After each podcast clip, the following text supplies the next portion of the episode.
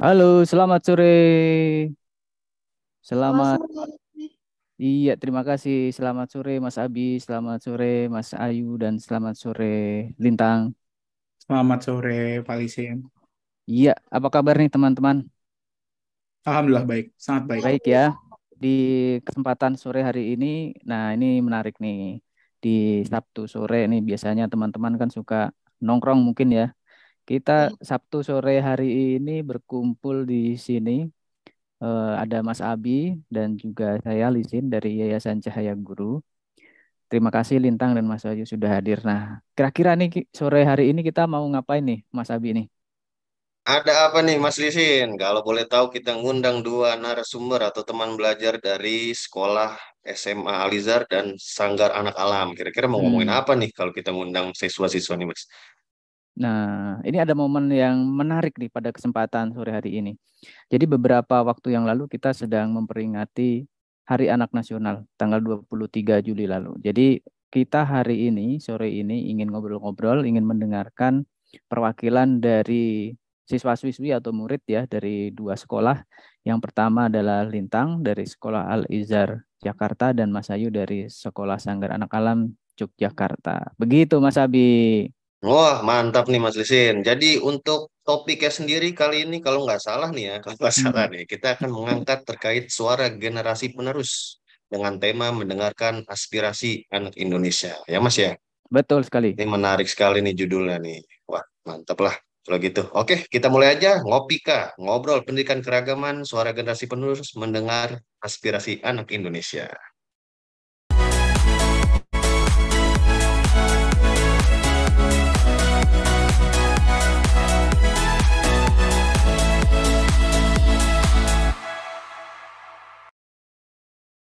Oke, tem song sudah menyala, berarti kita saatnya mulai diskusi kita. Nah, diskusi Hmm. kita ini santai aja nih. Kali ini kita mengundang dua narasumber nih. Mungkin kita bisa kenalan dulu ya, Mas ya. Betul, Mungkin kita betul. panggil satu-satu nih. Halo, eh, mungkin dari Lintang dulu. Halo, Lintang. Halo, Mas Abi, Mas Lisin, selamat sore. Selamat sore. Sore. Sore. Mungkin bisa memperkenalkan diri dulu nih. Eh, sekilas saja lah mungkin. Kalau bisa dalam sih nggak apa-apa ya, bebas aja. Boleh, senang Oke, hati. silakan Lintang. kalau, tapi kalau dalam nanti kayaknya sampai Isya ini. Waduh, isanya bisa besok lagi ya. Iya, Lama. Jadi- Silakan Lintang, silakan. eh, nama saya Lintang Jalu Abimantrana, lahir di Solo, besar di sana juga. Hmm. Eh, umur saya sekarang 17 dan saya mengenyam pendidikan di SMA Lizar Pondok Labu kelas 12 atau kelas 3 SMA. Eh, sebenarnya saya memang berasal dari keluarga yang sangat beragam karena keluarga-keluarga Jawa yang ukurannya besar itu tumbuh besar di tempat-tempat yang berbeda, jadi mengenal berbagai macam latar belakang itu sejak kecil. Setelah itu eh, mendewasa, mendewasa, mendewasa dan dapat kesempatan untuk bisa bergabung di SMA Lizar. Di sana lebih terekspos dengan lebih banyak keberagaman lagi lewat salah satunya kegiatan tahunan kami namanya Raga Muda. Mungkin Mas Abi sama Mas Lisin juga tahu. Di Hmm. sana adalah perhimpunan raga-raga muda yang semangat untuk memperjuangkan keberagaman dan toleransi untuk sesama. Hmm. Uh, alhamdulillahnya juga tahun lalu aku dikasih kesempatan untuk terlibat secara langsung di kegiatan Raga Muda untuk menyuarakan uh, toleransi dan uh, menghormati antar sesama. Apalagi tahun lalu itu pertama kalinya lagi, Mas. Setelah pandemi, akhirnya kita bisa kembali lagi ke jalanan dan mengaspirasikan keberagaman ke orang-orang di Jakarta. Oh, Oke, lebih Oke, kayak menarik, menarik. Iya. Oke, terima kasih. Nah, sekarang eh, Mas Ayu, silakan memperkenalkan Mas Ayu. Ya, jadi halo semua, jadi nama saya Mas Haili Sandono. Saya umur 17 tahun dan saat ini sedang bersekolah di Sanggar Anak Alam Yogyakarta. Ya, Hmm. kelas 11. Kelas 11. Ya. Oke. Kesibukan apa nih Mas Ayu nih? Kesibukan nih sebagai siswa, eh, sebagai siswi kelas 11 nih, Sanggar Anak Alam. Kalau sekarang sih karena sedang apa regenerasi setelah regenerasi OAS atau organisasi anak salam, jadi sekarang sih lagi sibuk-sibuknya rapat ya, terus lagi merancang apa namanya uh, event-event kelas meeting, terus podcast dan lain-lain kayak gitu sih kak. Mantap lah kalau gitu. Podcast nih bisa belajar dari Mas Lisin ya, ahlinya podcast nih. Loh, Jadi justru kebalik. Saya yang mau belajar ini, Mas Abi. Ya sama-sama belajar lah kita lah intinya ya sore hari ini ya. Nggak Iya. ada yang lebih inilah. Mantap Mm-mm. pokoknya. Mm. Oke lanjut Mas Lisin nih, udah perkenalan kira-kira apa lagi nih?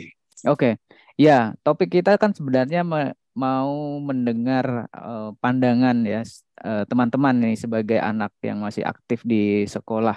Kira-kira eh, di hari Anak Nasional 23 Juli lagi sebenarnya kita memperingati Hari Anak Nasional. Kita ingin mendengarkan aspirasi ya, aspirasi dari teman-teman nih sebagai per- perwakilan dari anak-anak di Indonesia mungkin. Nah, kalau Lintang kan perspektifnya mungkin eh, karena tinggal di Jakarta gitu ya mempunyai perspektif bagaimana anak-anak di Jakarta.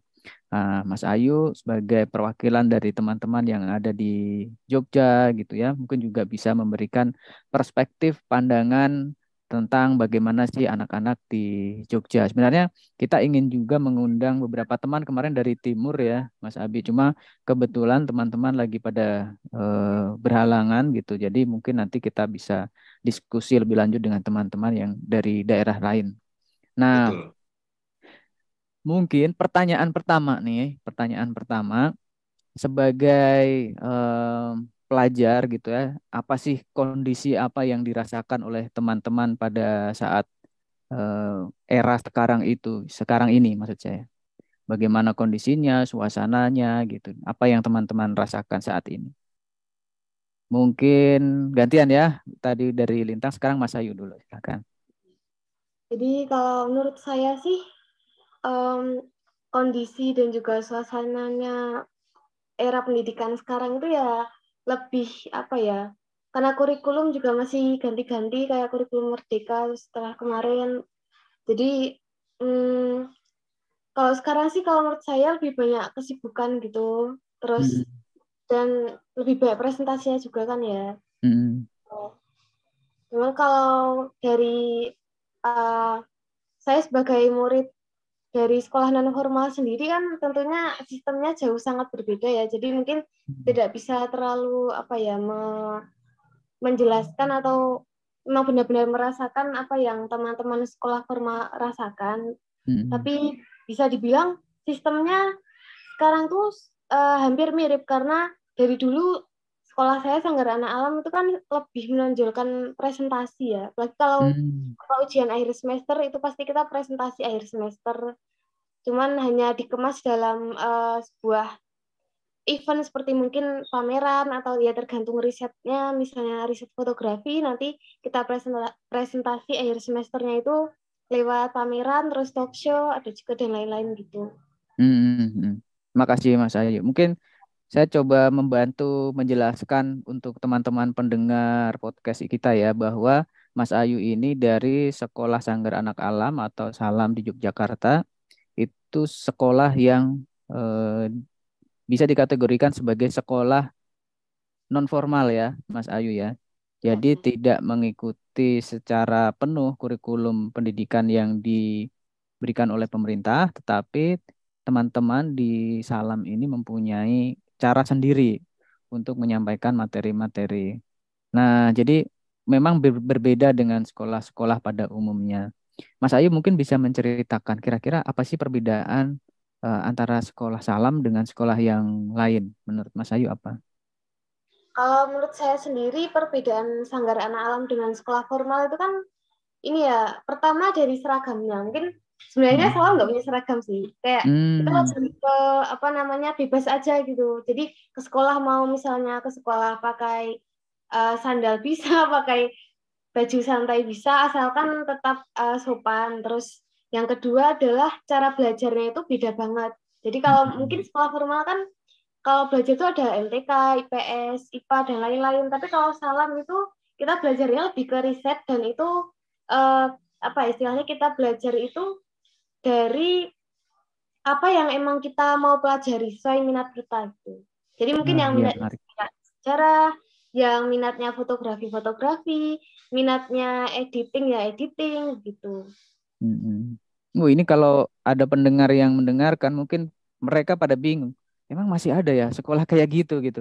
Sekolah yang kalau datang ke sekolah boleh pakai sandal gitu ya, nggak harus pakai seragam, terus mata pelajaran yang diberikan sesuai dengan apa yang diminati oleh murid gitu ya. Kalau minatnya adalah di desain ya desain yang didalami. Minatnya di penulisan atau di sastra itu yang akan dipelajari gitu. Begitu ya Mas Ayu ya kalau saya tidak salah tangkap. Hmm, oke. Okay.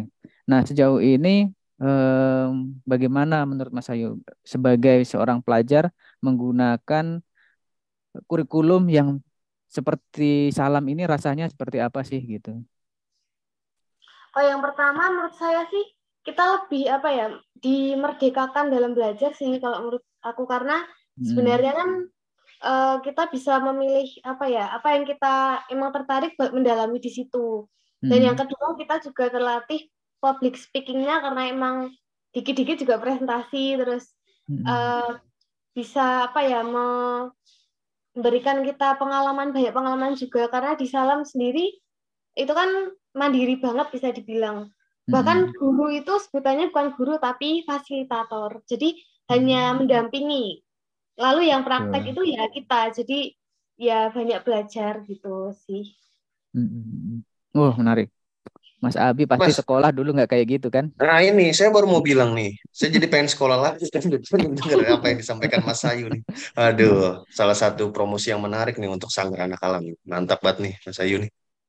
Nih, jadi saya ini Mas tadi gimana ya? Hmm, kepikiran gitu loh. Nih sekolah tapi yang menentukan kita mau belajar apa itu balik lagi ke kita ya. Itu salah satu prinsip untuk memerdekakan banget ya Mas ya. Itu menarik banget sih Mas maksud saya Mas.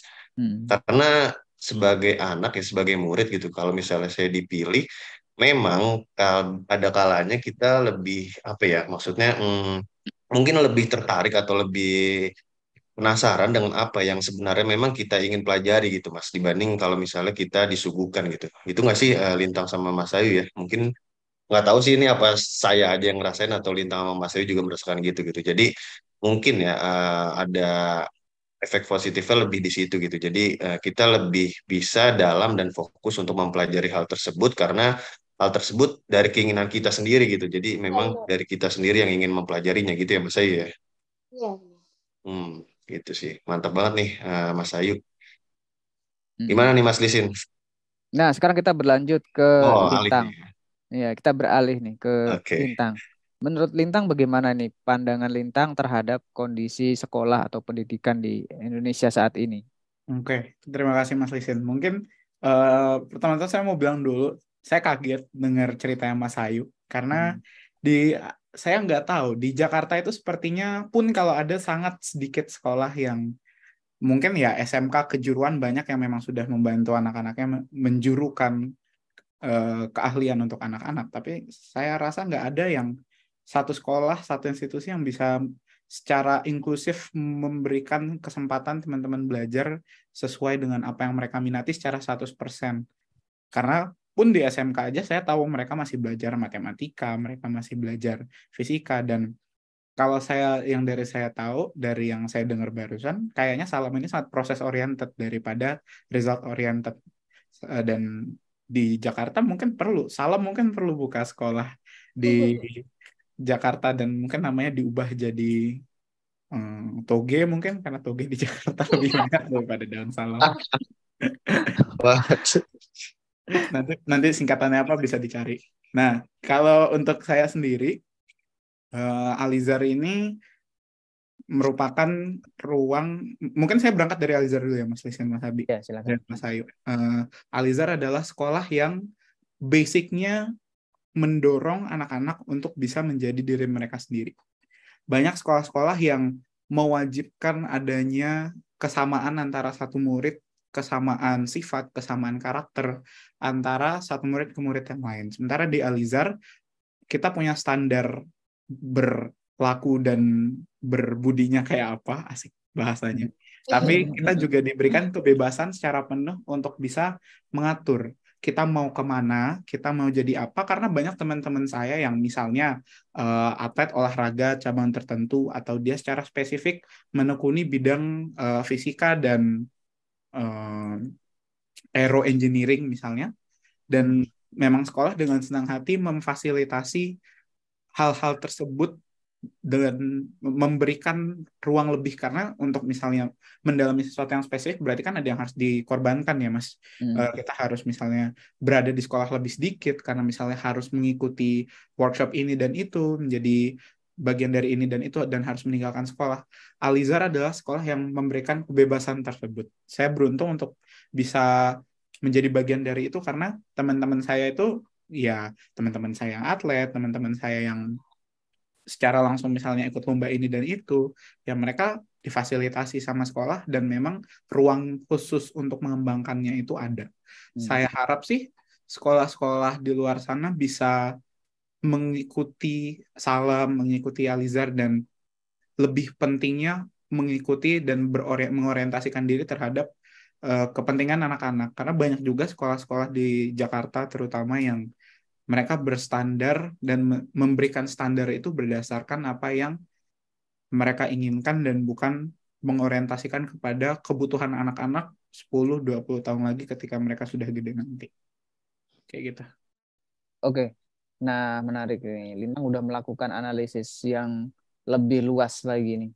Sebenarnya saya menangkap nih, jadi antara Alizar dengan Salam sebenarnya punya uh, pendekatan yang sama di dalam melakukan proses pembelajaran seperti yang disampaikan oleh Lintang memberikan oh, porsi lebih besar kepada keinginan murid ya kepada minat dan juga potensi murid-murid yang ada di sekolah.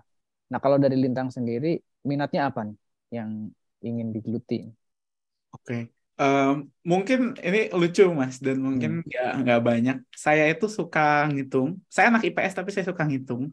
Wah, gimana Jadi, nih? ngitung apa nih? Ngitung apa nih? Ngitung duit secara oh, itu. Oh, okay. uh, saya anak IPS tapi saya suka ngitung.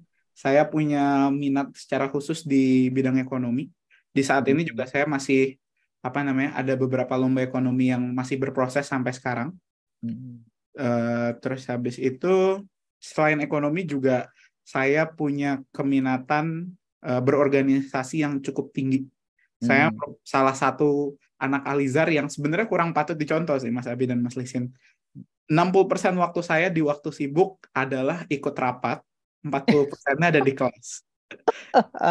Ini nggak patut dicontoh sebenarnya. Tapi Alizar itu yang tadi saya bilang memberikan uh, kebolehan saya untuk bisa berorganisasi dengan resiko dan tanggung dan secara sadar memberikan ngasih tahu ke anak-anak, eh kamu boleh ikut ini, kamu boleh berorganisasi dan rapat terus, tapi kamu harus tahu ada konsekuensi tugasmu ketinggalan dan kamu harus bisa mengejar itu dan lain sebagainya. Satu cerita waktu itu di bulan Maret tahun lalu, eh di tahun ini, uh, sekolah lagi mengadakan pensi untuk memperingati hari ulang tahun yang ke-36.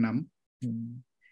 Dan ada satu hari, ingat banget saya sama teman saya berdua, kita masuk ke sekolah dan naruh tas di kelas, naruh tas di kelas.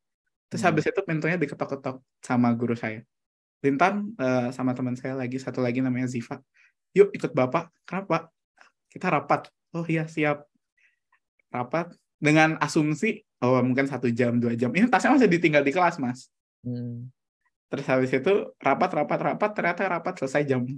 Jadi kita datang ke sekolah bukan untuk belajar dan nggak ngikutin kelas sama sekali itu malah untuk rapat dan saya kira akan dimarahin atau dipanggil guru BK atau apa tapi ya ternyata sekolah memang memberikan kebebasan itu asal anak-anaknya uh, sadar dan bisa bertanggung jawab. Oke, menarik. Jadi 60% waktunya itu habis buat rapat ya. 40 persennya yang hanya dipakai untuk kegiatan di sekolah. Betul. Oke. Nah, kalau Mas Ayu tadi minat apa nih? Minatnya yang sedang ditekuni sekarang? Sekarang saya sedang menekuni minat di bidang sejarah, Kak. Ya. Sejarah ya. Mm -mm, Oke, okay. uh, eh, melakukan apa? Meriset atau ya, apa? riset. Cerita riset. dong uh, apa nih? Yang meriset riset apa nih, Mas Ayu? Kalau yang semester 2 kemarin waktu kelas 10 sih, saya meriset soal sejarah Pangeran Purbaya atau Joko Umbaran. Yaitu waktu era Mataram Islam. Hmm. Itu. Hmm. Dan apa namanya proses riset di Salam itu kan emang sebenarnya kita lebih banyak belajar itu kan di luar ya, di luar kelas daripada di dalam kelas. Karena riset yang beda-beda juga. Cuman karena hmm, kalau presentasi itu kan istilahnya uh, di salam itu kalau kita presentasi akhir semester itu kita uh, bakal bisa ngasih ilmu atau ngasih uh, ngasih pembelajaran di apa ya ngasih ilmu ke teman yang lain yang juga mungkin nggak tahu soal sejarah yang emang kita sedang apa sedang pelajarin gitu. Hmm. terus um, soal minat kalau sekarang yang semester sekarang semester 1 kelas 11 ini sih sedang merencanakan meriset soal filosofi dupa. Ya sih karena saya sendiri penasaran uh, apa ya punya daya tarik yang besar terhadap budaya dan juga ada Jawa. Jadi sejarah ataupun kayak filosofi soal tumpeng atau dupa itu sedang saya pelajari sih. Hmm. Karena juga apa ya lagi penasaran kenapa sih kok dupa itu sering banget dikaitkan dengan hal mistis gitu loh. Apakah hmm. emang seperti itu atau gimana? Nah itu saya juga kepo karena sebenarnya kan dupa sendiri banyak di apa ya banyak digunakan oleh berbagai apa namanya berbagai umat beragama ya. Jadi kayak yeah. perbedaan itu apa sih gitu mau tahu itu sih sama maknanya. Oke okay, oke. Okay. Nah ini, waduh menarik banget nih meneliti sejarah ya dan juga dupa. Mas Abi aja nih saya nggak yakin. Tahu nggak dupa apa Mas Abi? Oh bingung dia. Lagi searching itu Mas Lisim. Lagi searching dia. Dupa itu apa ya? Dupa itu apa? Oke. Tapi ini pertanyaan iseng nih, maksudnya dari Lintang sama Mas Ayu kan tadi menceritakan terkait um, kebiasaan di sekolahnya ini ya. Kalau misalnya boleh tahu nih Lintang sama Mas Ayu, ini sebelum masuk ke Alizar sama ke Salam, apakah memang sudah tahu nih dari Lintang sama Mas Ayu bakal ada semacam pendekatan yang berbeda gitu dibanding dengan sekolah-sekolah pada umumnya gitu? Kalau saya sih jujur uh, karena dari SMP-nya tuh dari MTSN 1 Yogyakarta ya yang di mana itu emang sekolah kan ya masih formal terus sistemnya juga hmm. strict banget. Terus apa namanya waktu ke SMA itu ibu dapat kenalan dari salam terus di apa namanya uh, promosiin terus tertarik dari IG waktu itu. Terus uh, saya sendiri juga masih apa ya bingung tapi juga tertarik karena sistem belajar yang emang beda banget kan. Terus akhirnya mau nyoba ke Salam terus alhamdulillah adaptasi bisa apa lumayan cepat dan juga masih bisa uh, apa ya mengikuti sistem-sistem yang mungkin sebelumnya memang beda banget dari sekolah formal terus kak. Karena kan memang kalau kita tahu sendiri kan seperti yang tadi disampaikan oleh Mas Ayu ceritanya kan salam itu kan memang pendekatannya ya tadi lebih kepada banyakin praktek dan nanti untuk teorinya sendiri ya itu kita belajar dari praktek tersebut gitu kan. Itu sangat menarik sih. Makanya itu saya tadi coba tanyakan hal tersebut ke Mas Ayu. Hmm. Kalau Lintang sendiri gimana nih Lintang nih? Kalau aku sih dulu uh, eh, SMP di kurikulum Cambridge, Mas. Jadi SMP ku itu project oriented juga. Kita nggak punya ujian akhir sekolah, tapi juga namanya final project atau integrated project, di mana kalau misalnya uh, Mas Ayu kan bisa milih, oh kayaknya aku mau sejarah aja. Kalau dulu di Pazuardi namanya, kita belajar untuk menggabungkan beberapa mata pelajaran ke dalam satu integrated project dan uh, mendalami satu namanya driving question. Itu diberikan oleh guru satu driving question kita mau mengembangkan seperti apa? Itu terserah kita. Jadi setelah pindah dari SMP ke SMA saya dulu sebenarnya punya kekhawatiran Mas Lisen sama Mas Abi. Kalau misalnya saya pindah ke Alizar sekolah yang kurikulum nasional gimana ya nanti uh, aku udah terbiasa ngembangin project aku ini nggak bisa ngafal mas. Susah banget ngafal. Jadi kalau disuruh memahami konsep mungkin cepat tapi kalau ngafal nggak bisa. Jadi uh, kekhawatirannya itu di situ gimana nanti diminta ngafalin sejarah Indonesia dan lain sebagainya. Ternyata setelah masuk Alizar uh, Alizar itu juga mirip-mirip. Walaupun memang tidak mengampu kurikulum merdeka tapi uh, kurtilas di Alizar ini disesuaikan supaya sesuai dengan kebutuhan anak-anak dan uh, memudahkan saya sendiri. Nggak perlu banyak ngafal, yang penting paham konsep. Hmm. nanti nggak begitu banyak ulangan harian juga, tapi lebih banyak uh, bikin project, bikin ini, bikin itu uh, sebagai alternatif pengambilan nilai selain ulangan harian. Jadi untuk menjawab pertanyaan Mas Abi, nggak ada sebenarnya rencana mau masuk Alizar, tapi dengan apa namanya takdir mendorong saya untuk ke sini itu sebuah kehormatan juga ternyata setelah dijalani. Iya, oke. Uh, berarti memang dari awal sudah ada pondasi ya, bisa dibilang sih seperti itu ya Lintang sama Mas Ayu gitu. Jadi memang dari awal dari Lintang sama Mas Ayu sendiri sudah lumayan terbentuk lah untuk uh, memang senangnya yang seperti itu gitu. Jadi untuk pemilihan sekolah ke depannya juga berdasarkan hal tersebut. Nah, ini mungkin uh, bisa kita sangkut pautkan nih. Ini kan kalau misalnya tadi kita berbicara terkait sekolah masing-masing ya dari Linta mungkin menceritakan banyak terkait Alizar, dari Mas Ayu menceritakan banyak terkait Salam. Nah, ini saya ingin tahu nih uh, sebagai generasi penerus nih dari Lintang sama Mas Ayu, kira-kira isu apa nih yang uh, sedang kita hadapi yang kiranya paling krusial, paling penting dari uh, dunia pendidikan nih menurut Lintang sama Mas Ayu nih? Uh, mungkin aku dulu, tapi nanti boleh, boleh, boleh. bisa ngobrol juga sama Mas Iya, ngobrol Mas aja. Membawa perspektif yang baru yang bikin saya, Hah, gitu ya, gitu.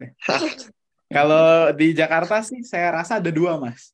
Yang pertama adalah isu anti bullying, yang kedua adalah um, stabilitas. Dalam artian anak-anak ini di uh, yang kedua ya tentang stabilitas, anak-anak ini sebenarnya memang uh, masih sedang belajar dan merupakan laboratorium untuk kita sendiri bisa menentukan kita mau hidup kayak apa. Tapi yang bagi saya penting juga adalah memahami bahwa laboratorium ini nggak bisa diganti gitu-gitu aja. Jangan sampai kebijakan-kebijakan yang ditentukan itu berubah setiap detik dan membuat anak-anak jadi kehilangan arah. Hmm. Karena pada akhirnya uh, misalnya SMA SMA mau diubah sistemnya kurikulum merdeka atau apa saya nggak mempermasalahkan kurikulum yang baru saya hanya mempermasalahkan kalau misalnya sebagian SMA itu kan sebagian kecil dari sistem yang sudah tertata kalau misalnya kita mau mengubah sedikit dari sistem itu tanpa memperhatikan bagaimana hal tersebut akan mempengaruhi ke depannya saya khawatir anak-anak ini malah bingung dan kesusahan sendiri karena misalnya SMA eh, kurikulumnya di obrak-abrik mereka bikin sendiri, tapi anak itu nggak kayak Mas Ayu yang udah tahu oh, aku suka ini, tapi anak itu masih bingung harus ke mana. Terus nanti dia mau lanjut ke kuliah kesulitan sendiri. Harapannya sih menurut saya gimana caranya kita bisa menetapkan sistem yang memberikan kestabilan dan uh, kepastian gitu. Hmm. Itu yang pertama dan yang kedua tadi isu soal anti bullying dan saling menghormati. Ini juga salah satu concern Alizar dan pasti sekolah-sekolah lain juga bahwa untuk merasakan uh, misalnya dibully seseorang dan mengalami sesuatu yang traumatik di hidup seseorang itu pasti imbasnya sangat besar. Apalagi anak-anak yang sekolah yang masa depannya masih panjang lah Mas Abi dan Mas Lisin. Gimana caranya kita bisa berkembang dengan penuh, berkembang sesuai potensi kita masing-masing tanpa diganggu dengan hal-hal yang namanya bullying, dengan nama hal-hal yang namanya intoleransi, dengan hal-hal yang namanya uh, perpeloncoan juga misalnya. Itu akan mengubah dan mempengaruhi besar atau kecil seseorang itu mampu mem memaksimalkan potensi pribadinya. Menurut saya sih itu. Oke menarik nih. Dua hal. Yang pertama tadi adalah bullying ya, anti bullying. Ada kekerasan juga, mungkin juga intoleransi dan juga kestabilan menurut Lintang. Jadi jangan diubah-ubah mulu lah ini apa namanya sistem pendidikan kita gitu. Jadi baru satu tahun, dua tahun atau ya paling lama lima tahun tiba-tiba nanti berubah lagi sistem pendidikannya sehingga membingungkan. Nah ini juga terjadi juga nih banyak guru juga yang mengeluh nih teman-teman nih dan ternyata teman-teman juga mengeluhkan juga ya sebagai siswa-siswi ya sebagai murid. Nah, Mas Ayu gimana dari Mas Ayu? Oh, dari apa namanya kata Kak Lintang tadi yang soal bilang soal kurikulum yang masih nggak pasti dan menentu ya. Jadi hmm. tadi kan saya sempat mengobrol sama sepupu saya yang apa dia ke, uh, kebetulan saat ini lagi apa mengalami yang namanya kurikulum merdeka juga dan benar kata itu uh, dia sendiri curhat kalau misalnya uh, apa ya mereka itu banyak melakukan event-event ini itu tapi uh, mereka nggak nggak tahu kayak tujuan yang jelas itu sebenarnya kayak apa. Dan cuman kadang mereka merasa tuh hanya dapat capeknya aja gitu. Mm-hmm. terus apa namanya uh, gurunya pun juga kesulitan. Dan jadi mau mereka tuh ingin apa istilahnya ingin fokus belajar ingin mencari minat tapi karena apa ya gurunya sendiri pun jangan juga nggak terlalu paham dengan sistem yang baru ini dan juga hmm. nggak cepat adaptasi itu jadinya bingung terus hmm. mereka ngerasa ya kayak kok kayak cuma dapet capeknya aja gitu dan yang hmm. kedua juga soal terkait bullying tadi sih kadang tuh saya apa ya juga ngerasa aneh gitu kenapa kalau ada pembulian gitu eh, terkadang pihak apa ya seperti pihak sekolah yang menangani seperti BK atau apa tuh kadang menganggap remeh atau apa ya, istilahnya belum bisa memberikan pembuli itu tuh efek yang jerah agar tidak diulangi lagi gitu Iya. iya. Mungkin aku nggak tahu ya apa mungkin karena tradisi apa sih kayak semacam geng-gengan gitu terus hmm. terasa apa istilahnya mereka adalah kasta murid kasta teratas terus hmm. merasa yang lain itu diperlakukan seenaknya aja gitu kayak kadang juga apa ya kalau ada murid yang terbuli yang melaporkan ke guru BK atau apa itu mereka itu tanggapannya masih kadang meremehkan kadang juga hanya apa istilahnya masih belum bisa apa ya gimana sih caranya biar mencegah uh, pembulian ini terus juga guru BK-nya itu gimana biar apa ya tanggapannya itu juga nggak meremehkan suatu bullying gitu juga karena bully sendiri kan efeknya itu di mental ya. Dan mental juga sangat mempengaruhi mood belajar kalau menurutku. Gitu. Oke, Mas Ayu, terima kasih. Semoga aja nih podcast kita didengarkan oleh Nah, ini nih. Ini nih, ini nih. Mantap banget Mas oleh, Mas. Didengarkan oleh Pak Jokowi ya. ya, saya, saya juga setuju tuh bahwa bullying itu dampaknya besar sekali terhadap kesehatan mental. Terus kalau mentalnya sudah terganggu ya bagaimana belajar ya. Belajar juga iya. menjadi tidak fokus. Terus kemudian apa namanya banyak hal lah saya kira yang akibat dari bullying ini. Masalahnya itu tadi ya seperti yang Mas Ayu sampaikan. Ketika ada anak murid lapor ke guru BK tidak ditanggapi dengan responsif gitu. Dianggap sebagai ah itu kan hal yang biasa itu hal yang wajar gitu ya. bercanda kayak gitu. Mm -mm, itu kan bercanda gitu ini juga problem. Nah, tadi Lintang sama Mas Ayu sama-sama mengungkapkan soal bullying. Kira-kira apa ya solusinya nih menurut teman-teman nih kalau bullying yang masih tinggi gini? Bingung juga saya nih. Berat banget sih mas sama karena bullying itu mas ya. Karena nggak tahu ya saya pernah pernah pernah baca gitu maksudnya oh, pelaku, pelaku. bullying itu. Kan maksudnya pelaku bullying itu biasanya awalnya dari korban gitu. Jadi istilahnya hmm. dia waktu awal-awal merasa pernah dibully sama senior seniornya mungkin. Nah ketika dia jadi senior posisinya jadi senior dia istilahnya ingin apa ya apa yang dirasakan olehnya waktu jadi junior oh. itu dibalikin gitu mas. Jadi istilahnya ya hmm istilahnya ya ah gue waktu itu pernah digituin nih sama kakak kelas gue nggak mau lah gue udah jadi kakak kelas masa nggak balikin gitu. Nah itu sih yang susah gitu loh karena um, rasa itu tuh balik lagi kalau kita mau uh, menyikapinya gitu istilahnya memberantas hal tersebut gitu ya. Balik lagi kepada individunya itu masing-masing. Kalau hmm. masih uh, pemikirannya seperti itu ya bakal lama ya nggak bakal selesai-selesai gitu sih kalau kata saya ya Oh, Mungkin dari lintang sama ya, mata rantai ya, mata rantai. Iya, jadi kayak muter aja terus muter di situ nggak bakal kita bisa putus tuh mas susah banget sih kalau kata saya. Nah, oke. Okay. Gimana, gimana tuh kalau dari lintang Mas Ayu ini gimana nih? Ada ini nggak? Kalau solusi menurut saya sih sebenarnya kan bullying itu kan apa ya masing-masing pelaku bully itu kan kadang motifnya beda-beda juga. Karena kadang hmm. mereka dibesarkan di tempat yang kayak gitu jadinya ke bawah terus itu yang bahaya sih karena istilahnya apa ya kayak nge lampiasin apa namanya uh, amarahnya ke orang yang nggak bersalah gitu dan salah satunya yang menurutku apa ya rawan banget terhadap bully itu awalnya geng-gengan itu sih kak. Oke. Okay. Ya, gimana sih caranya biar murid-murid ini tuh nggak pilih-pilih teman dan nggak merasa apa ya dirinya yang paling tinggi gitu loh. Istilahnya hmm. kalau misalnya berbaur ya semua berbaur gitu kan. Hmm. Gitu. Ya harusnya sih gitu bener. Ya, Lintang, bagaimana Lintang? Uh, ini sebenarnya aspeknya dua mas dan betul hmm. kata Mas Abi tadi di banyak sekolah-sekolah besar di Jakarta ini memang udah sistematis bahkan punya struktur punya ketua punya wakil ketua punya hmm. uh, apa namanya bidak-bidak yang dijalankan dan dimainkan selain ini uh, kalau kita pandang nggak secara naif ini masalahnya sebetulnya sangat besar. Dan di dalamnya itu juga uh, sudah ada sistem yang terbangun. Selain itu ini adalah uh, masalah kolektif. Orangnya banyak nggak cuma satu.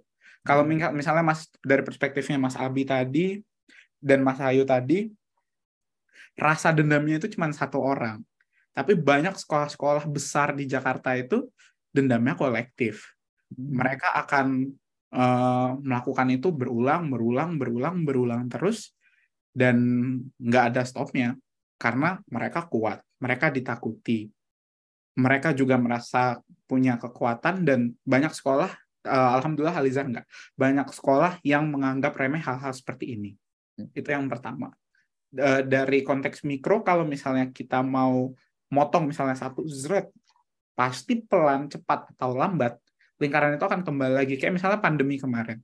Di pandemi kemarin, wah oke, okay, junior sama senior nggak ketemu asumsinya kan udah bersih ya mas. Mm-hmm. Buktinya enggak. Buktinya pelan-pelan lingkaran itu akan kembali ke titik semulanya ada di mana, titik separahnya ada di mana itu akan terulangin lagi. Jadi benar yang tadi uh, Mas Ayu bilang, solusi terbaiknya menurut saya ada di diri kita sendiri. Yang pertama sebagai uh, Mas Abi juga bilang tadi sebagai pelaku kita harus stop lah. Uh, nggak usah lah ada begitu begituan yang ketiga yang kedua dan yang paling penting menurut saya adalah dari korban. Korban harus stop melihat mereka sebagai kekuatan kolektif yang menakutkan dan harus mulai berani untuk say no. Untuk kalau di Alizar diajarin bersikap asertif saya nggak mau jangan perilakukan saya seperti ini karena banyak dari kita yang mungkin takut aduh nanti kalau misalnya gue laporin ke BK nanti mereka tambah-tambah. Aduh kalau misalnya nanti gue cepuin ini ke guru-guru nanti gue yang kenal lagi. Kekhawatiran-kekhawatiran itulah yang pada akhirnya ngestop kita semua untuk bisa berbenah diri. Karena kalau misalnya nggak ada perlawanan ya gimana mau berhenti? Gimana caranya guru mau menegakkan kalau misalnya dari anaknya pun mereka udah keburu takut duluan keburu takut duluan untuk cerita jadi ini juga sebuah tuntutan sebenarnya untuk sekolah-sekolah yang merasa masih belum bisa memenuhi prinsip keamanan dan hak-hak untuk merasa nyaman ya mas itu hmm. gimana caranya sekolah bisa menciptakan lingkungan yang aman yang tenang yang kita tahu kalau pada akhirnya ada apa-apa sama aku pasti aku nggak sendirian dan pasti ada orang yang mau bantu aku. Pada hmm. akhirnya mindset yang sebenarnya harus dibangun kayak gitu menurut saya ya. Oke menarik nih. Jadi ada beberapa sudut pandang. Yang pertama nih dari siswanya. Siswanya harus speak up ya seperti yang dibilang oleh Lintang. Jangan diam kalau misalnya mendapatkan perlakuan tindakan bullying atau kekerasan terus kemudian yang kedua sekolah harus memberikan rasa yang aman bagi anak-anak yang melapor. Dan juga tidak membiarkan seperti yang Mas Ayu bilang gitu ya kalau ada laporan ya jangan dibiarkan jangan dianggap sebagai itu guguyon gitu. Harus ditindaklanjuti gitu. Sistem sekolah harus membuat sistem. Nah ini masukan buat cahaya guru nih nanti menyampaikan ke kepala sekolah kepala sekolah supaya itu membuat sistem yang aman buat anak-anak supaya tidak terjadi bullying gimana Mas Abi Dirimu dulu iya, pernah ya, saya... menjadi pelaku apa korban bullying? Enggak, saya mah tengah-tengah aja mas, enggak ngikutin dua-duanya. belajar Karena mau belajar ya udah. Sebenarnya bagi pelaku maupun korban itu juga sebenarnya keduanya itu berefek negatif juga. Tuh. korban juga sebagai ini merasakan tidak aman, tidaknya pelaku juga dia itu akan apa namanya akan membudayakan tindakan-tindakan kekerasan itu gitu. Jadi membiasakan sampai dewasa kan akhirnya gitu. Kalau tidak ada upaya rehabilitasi ya. Jadi sama-sama korban sebenarnya keduanya. Gitu Mas. Jadi kalau boleh tahu nih di Alizar sama Salam sendiri nih Lintang sama Mas Ayu untuk pendampingan korban atau maksudnya pendampingan siswa-siswa gitu ada nggak sih maksudnya sebagai lembaga pendidikan? Hmm. hmm. Ada Mas Mas Sabi dan Mas Ayu dan Pak Lisin. Hmm. Uh, Alizar itu uh, men secara tegas menegakkan. Saya juga baru tahu kemarin ketika saya bergaul guru-guru BK ternyata ada loh. Asas BK tuh ada loh. Hmm. Kayak melindungi identitas korban, menciptakan suasana yang nyaman ternyata di atas putih di atas hitamnya tuh ada. Dan memang seharusnya guru-guru itu harusnya mengikuti itu. Itu sebenarnya ada. Dan uh, Alizar itu beruntung untuk punya guru-guru BK yang keren-keren. Guru BK yang punya strategi khusus untuk bisa mendekatkan diri mereka ke pelaku mendekatkan diri ke korban. Dan uniknya pelaku-pelaku bullying itu deket sama BK. Secara emosional mereka merasa hmm. dengan BK. Mereka nggak takut untuk ngobrol ke BK, datang ke BK. Dan orang-orang yang paling dekat ke BK adalah orang-orang yang dianggap negatif tadi. Gitu. Nah, dengan hal tersebut BK bisa dalam istilahnya mungkin bisa mempenetrasi jaringan yang dari luar kelihatannya kuat. BK itu bisa masuk dan ngelihat akar-akar masalahnya itu apa sih dan bekerja dari situ. Itu yang pertama. Terus yang kedua untuk korban, teman-teman yang uh, menjadi korban intoleransi, bullying dan lain sebagainya itu akan dijamin uh, atau bahkan jadi saksi ya mas, atau bahkan jadi saksi dari suatu kejadian akan dijamin uh, keinkognitoannya. Siapa yang melaporkan nggak akan pernah diketahui. Terus habis itu perlindungan dan pendampingan dari guru-guru uh, apa namanya wali-wali kelas, kemudian guru-guru mata pelajaran dan guru-guru BK sendiri itu semua akan tahu kalau misalnya ada kejadian bullying yang menimpa seseorang dan seseorang itu akan secara mikroskopik atau benar-benar diperhatikan gerak-geriknya anak ini ke mana dan memastikan bahwa anak itu nggak menjebloskan dirinya sendiri ke di mana uh, para pembuli bisa memanfaatkan itu. Jadi pasti ada langsung ada rasa nyaman. Saya merasa tenang karena guru-guru tahu saya jadi korban ini dan saya bisa tahu mereka juga juga akan bantu saya kalau misalnya suatu saat ada hal buruk yang terjadi sama saya gitu. Itu yang pertama. Dan yang kedua, Alizar itu support antar temennya juga kuat banget Mas Lisin sama Sabi. Hmm, iya. Misalnya ada kasta yang kayak tadi Mas Ayu bilang, itu ada dan memang tidak dipungkiri hal-hal seperti itu ada. Tapi ada juga sistem pertemanan yang erat supaya kalau misalnya sesuatu terjadi sama seseorang pasti ada segelintir orang-orang yang sadar dan mau membantu menciptakan uh, kenyamanan yang lebih baik lagi gitu. Hmm. Kayak misalnya waktu itu saya punya temen, uh, beliau dia jadi korban lah. Terus habis itu lucunya temen-temennya pelaku itu mau menghampiri si korban dan bilang uh, minta maaf dan meminta uh, memberitahu kalau misalnya apa yang dia lakukan itu memang uh, nggak baik dan uh, mencoba menenangkan si korban. Hmm. Jadi yang yang mendekatkan diri itu malah teman-teman dari pelaku itu sendiri. Itu salah satu hal yang saya apresiasi di Alizar sih, hmm. Mas Lisin dan Mas Abi. Iya iya, oke oke. Ini berkat sistem sekolahnya sudah apa namanya tersedia ya, sudah berjalan. Oke. Dari Mas Ayu ada tambahan?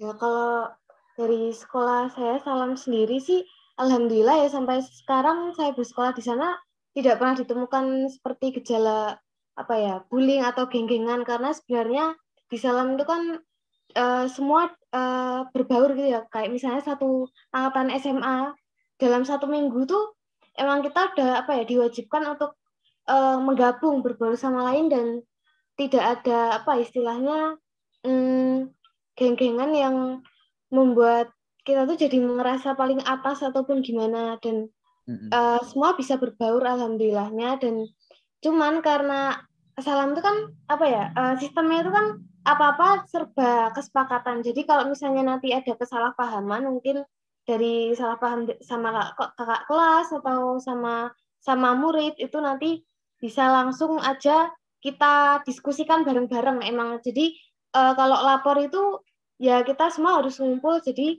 uh, semua masalah bisa terselesaikan dengan baik karena emang kita ngobrol baik-baik gitu dan dengan dampingi fasilitator seperti itu sih.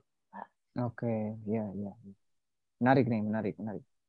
Jadi um, ad, meskipun ada kasta-kasta misasi di dalam apa namanya siswa-siswi tetapi memang ada ada segelintir siswa atau murid gitu ya menurut Lintang yang tetap akan mencoba untuk memperbaiki kondisi keadaan seperti ini kalau di Alizar. Betul. Nah, Tambahan lagi. Ayu, iya betul, silahkan. Uh, di Alizar itu juga yang namanya raga muda ini jadi salah satu apa ya tombak terdepan lah istilahnya hmm. untuk melindungi dan menciptakan toleransi sesama sekolah.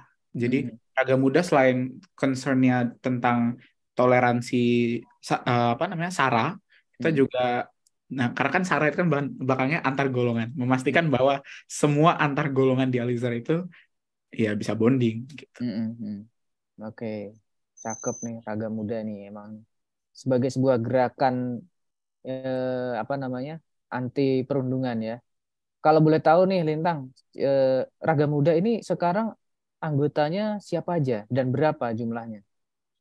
Uh, untuk eh, orang-orang uh, yang berada di dalam lingkungan dan ikut menjadi organisator hmm. itu sekarang diwakili oleh tiga sekolah SMA Pangudi Luhur, SMA Kolose Kanisius dan SMA Lizar. Hmm. E, jumlah kekuatan kolektifnya mungkin sekitar 4, 80 sampai 100 orang hmm. untuk organisatornya. Tapi setiap tahun kan kita mengadakan acara yang turun ke jalan dan memastikan bahwa secara luas masyarakat Jabodetabek itu bisa tahu tentang keberagaman ini kan Mas. Dan yeah. di acara yang turun ke jalan itu kita akan selalu mengundang sesedikitnya 10 sekolah lain hmm. di Jakarta. Jadi okay. dari tahun lalu sendiri di acara tahun lalu itu ada sekitar 700 orang, 800 orang dan uh, setelahnya itu kita punya uh, chapter 2 Raga Muda namanya Cipta Karsa. Hmm. Cinta mencintai perbedaan kunci terciptanya rasa persaudaraan atau apa gitu ada singkatannya. Cipta hmm. Karsa itu mengundang sekolah-sekolah se-Indonesia untuk ada webinar juga, webinar keberagaman tentang toleransi dan menghormati sesama seperti itu. Oke, Cipta Karsa ya. Ya, betul. Iya, kayaknya saya pernah ikut tuh yang ada peserta dari berbagai daerah di Indonesia dalam satu webinar gitu ya. Betul. Oke, oke, oke ini menurut saya salah satu peran anak-anak muda untuk berkontribusi secara positif di lingkungan masyarakat ya. Jadi raga muda membaca konteks masalah di masyarakat terus membuat inisiasi gerakan-gerakan seperti raga muda atau cipta karsa. Nah, menurut teman-teman nih ya sebagai anak muda tuh eh, peran-peran apa yang bisa dilakukan nih sebagai anak muda Tadi kalau Lintang menurut saya itu peran yang bagus tuh mendirikan ragam muda, aktif di ragam muda. Nah, dalam konteks di Jogja mungkin Mas Ayu, gimana peran apa yang bisa dilakukan oleh anak-anak muda? Kalau menurut saya sih eh, peran apa yang bisa dilakukan anak-anak muda ya menurutku sama-sama sih kak kayak hmm. eh, apa namanya kayak organisasi yang di sekolahnya Kak Lintang tadi kayak hmm. gitu dan juga mungkin lebih uh, apa ya organisasi muda ini bisa memba apa membaur di luar sekolah jadi membaur di masyarakat juga kayak gitu. Hmm. gitu sih. Oke. Berkontribusi secara aktif ya dan positif di tengah masyarakat. Dari ini ya. di, oh, sorry kak ya, kayak ini bisa apa membantu kerja bakti di sekitaran apa ya rumah yang ada di sekolah mungkin karena hmm. kalau sendiri kan emang di sekitaran itu kan salam dan juga pedesaan ya. Jadi kita hmm. organisasinya sendiri juga sering banget uh, berinteraksi dengan apa rumah-rumah dan juga penduduk sekitar yang, yang nanti uh, salam juga bisa membantu gitu. Hmm. Berkontribusi masa kepada masyarakat sekitar sekolah ya, apa pun ya. bentuknya ya. bisa kerja bakti, terus apa pun membantu gotong royong yang ada di lingkungan sekitar sekolah. Menurut Lintang apa lagi yang peran apa yang bisa dilakukan? Uh, banyak sih mas dalam konteks toleransi dan menciptakan rasa nyaman ya. Hmm. Uh, yang jelas kita harus mulai dari diri sendiri dan mulai menghormati teman-teman kita sendiri yang nggak usah lah muluk-muluk ikut organisasi ini itu ini itu kalau misalnya pada akhirnya diri kita sendiri aja masih belum mau toleransi ke orang di sekitar kita. Sederhananya kan gitu. Kalau misalnya kita punya ideologi yang cukup baik punya sifat yang cukup baik untuk bisa menghormati antar sesama terus kita udah punya kuncinya uh, kalau kata anak Jakarta Selatan which is adalah uh, bisa menghormati antar sesama dan bisa ya mulai dari diri kita sendiri untuk menguasai diri kita dan bisa menghormati teman-teman di sekitar kita setelah itu baru mengembangkan diri mau ikut ini itu bikin organisasi ini bikin organisasi itu. Dan ternyata di Jakarta sendiri aku kurang tahu situasinya di Jogja gimana tapi di Jakarta itu banyak banget organisasi yang kalau olahraga muda kan masih di bawah ampuan bendera Alizar, Pangudi, Luhur, dan Kolose Kanisius, ya Mas Lisa, Mas Abi, dan Mas Ayu. Tapi di luar raga muda itu kita juga banyak banget partner-partnership dan uh, endorsing organisasi-organisasi yang lain yang secara penuh dibuat, dipionirkan, dan dipimpin oleh teman-teman, oleh anak-anak yang berbicara tentang self-improvement, tolerance, uh, social equality, kemudian ada gender rights dan lain sebagainya itu udah banyak banget di Jakarta dan itu adalah langkah-langkah kecil untuk menciptakan keberagaman dan menghormati keberagaman itu sendiri menurut saya. Oke, menarik. Gimana Mas Abi? Diam aja nih kayak makin makin bingung apa makin optimis apa gimana nih? Ngantuk jangan-jangan nih Mas Abi. Nih saya ngobrol sama Lintang sama Mas Ayu udah kayak ngobrol sama ini Mas mantap banget ya. Maksudnya pemikiran-pemikiran mereka sudah melebihi maksudnya gimana ya? Saya waktu di SMA juga kayaknya nggak sebegininya gitu loh. Saya speechless gitu loh. Maksudnya di umur-umur mereka yang segini gitu, mereka udah bisa berpikir jauh ke depan gitu kalau misalnya kata saya gitu kan. Ya hmm. ini mungkin karena uh, ada pengaruh sedikit banyak juga dari uh, apa kebiasaan mereka juga gitu kan dan juga komunitas-komunitas yang mereka ikuti gitu. Jadi uh, saya kagum sih sama pemikiran-pemikiran mereka dan ya itu bagus sih kalau misalnya memang bisa direalisasikan ya. Jadi intinya kalian sebagai generasi penerus ya uh, itu mungkin bisa berandil besar untuk uh, membawa negara ini untuk menjadi lebih baik, terutama mungkin dari segi pendidikan terlebih dahulu. Mungkin itu sih Mas Lisin. Oke, Mas Abi ini dulu SMA-nya ini ya di sekolah negeri ya di Jakarta Selatan ya. Iya mas. Nah itu kan sering tawuran juga tuh Mas Abi. Udah, udah. jadi sebut sekolahnya ntar masuk udah, lagi. Tapi Mas Abi okay. saya mau pastikan ya, Didimu nggak ikut kan? Ah, enggak mas. pulang pulang langsung.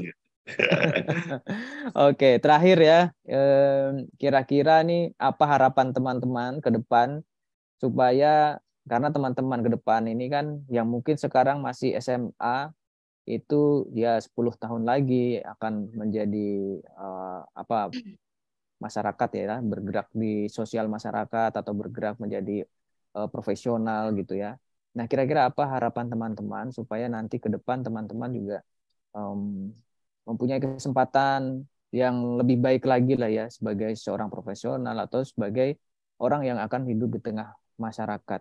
Kira-kira apa harapannya? Dari siapa dulu? Mas Ayu dulu, karena yang udah. Ya. siapa aja lah, lanjut. Ya, jadi harapanku untuk ke depan sebagai siswa sih uh, ini ya sistem apa ya? Uh, saya berharap pemerintah lebih istilahnya lebih uh, tertata sih. Mm-hmm. Kayak soal kurikulum tadi, terus juga ini uh, saya berharap pemerintah itu bisa lebih me, apa ya istilahnya me support anak-anak yang anak-anak yang berbakat hmm. dan juga jadi lebih istilahnya lebih diapresiasi di negara sendiri lah karena hmm. karena saya juga sering dengar banyak orang-orang Indonesia yang sangat berbakat tapi malah ke luar negeri gitu. Ya. Ya saya harap sih pemerintah lebih mengapresiasi dan lebih memberikan apa ya imbalan yang uh, bisa mensupport uh, potensi anak ini ke depannya. Gitu Iya. sih, Pak. Oke, memberikan support, mendukung ya terhadap Iya. potensi-potensi anak-anak yang eh, bisa dikembangkan nanti di masa yang akan datang. Oke, dari Lintang apa harapannya? Dari saya tadi karena Mas Ayu udah bahas tentang skala makro tentang pemerintah dan lingkungan sekitarnya, saya sih mau membahas anak-anaknya, Mas Hmm. Lisin, Mas Abi dan Mas Ayu. Saya harap eh, kita semua teman-teman semua yang akan bagian bagian dari apa istilah pemerintah itu population boom atau apa itu yang di tahun 2045 masa emas karena gen apa banyak orang produktif di masa itu saya lupa istilahnya apa deh tiba-tiba. Hmm, Apa? ini apa? eh, bonus demografi. bonus demografi eh, di masa karena kita mau nggak mau nanti akan jadi bagian dari bonus demografi itu berarti eh, masalah yang kita alami akan lebih beragam kemudian orang-orang yang kita temui juga pasti akan lebih banyak dan lebih beragam lagi kemudian nanti tuntutan kita semua untuk bisa jadi masyarakat global dan bisa apa bersaing dengan orang-orang yang nggak cuma di Indonesia aja tapi di luar negeri sana. Dan gimana caranya kita bisa selevel atau bahkan lebih baik lagi dengan cara ya tahap-tahap kecil dulu. Menghormati sesama mencintai lingkungan yang ada di sekitar kita kemudian bersikap inklusif juga itu penting kemudian yang paling penting dan menjadi harapan kita semua adalah bisa saling merangkul bisa saling mendukung untuk menciptakan Indonesia yang lebih maju lagi lebih harmonis lagi dan lebih tertata lagi dengan masyarakat-masyarakat yang lebih saling mendukung dan ya Indonesia emas lah. Oke, mantap. Mantap, mantap, mantap semua nih. Ya, Mas Abi mau berkontribusi. Harapan Mas Abi apa nih? Kontribusi dong Mas. Ya kita berkontribusi sesuai dengan kapasitas sih Mas. Maksudnya ya saya setuju dengan apa yang disampaikan Mas Hayu dan dengan Lintang tadi ya. Jadi memang Hmm. eh, kita nanti bakal dihadapkan dengan era globalisasi yang mana kita bisa bertemu dengan ragam budaya, ragam golongan, ragam masyarakat gitu. Jadi mau tidak mau kita memang harus mempersiapkan hal tersebut gitu. Jadi apa yang bisa kita lakukan ya mungkin dari diri kita sendiri yang bisa kita lakukan adalah mengupgrade diri kita sendiri dan kita eh, selalu mempersiapkan untuk eh, tantangan tersebut gitu sih Mas Lis. Mantap. Cakep, cakep. Terima kasih. Oke, terima ini udah 18 eh 17 18 nih Mas Lisin. Gimana nih Hmm. Mas Lisin? Iya, saya kira obrolan kita pada kesempatan sore hari ini meskipun singkat Mas Abi, tapi padat sekali dan bermakna sekali ya. Sebagai orang yang sebenarnya saya itu generasi milenial ya berarti ya umur Ya, saya. bukan baby boomers Mas Lisin. Bukan dong, bukan milenial dong. Bukan ya. Eh, Dua abad tua tuh kayaknya. milenial matang. Waduh, Nah. saking matangnya. Lalu matang kayaknya.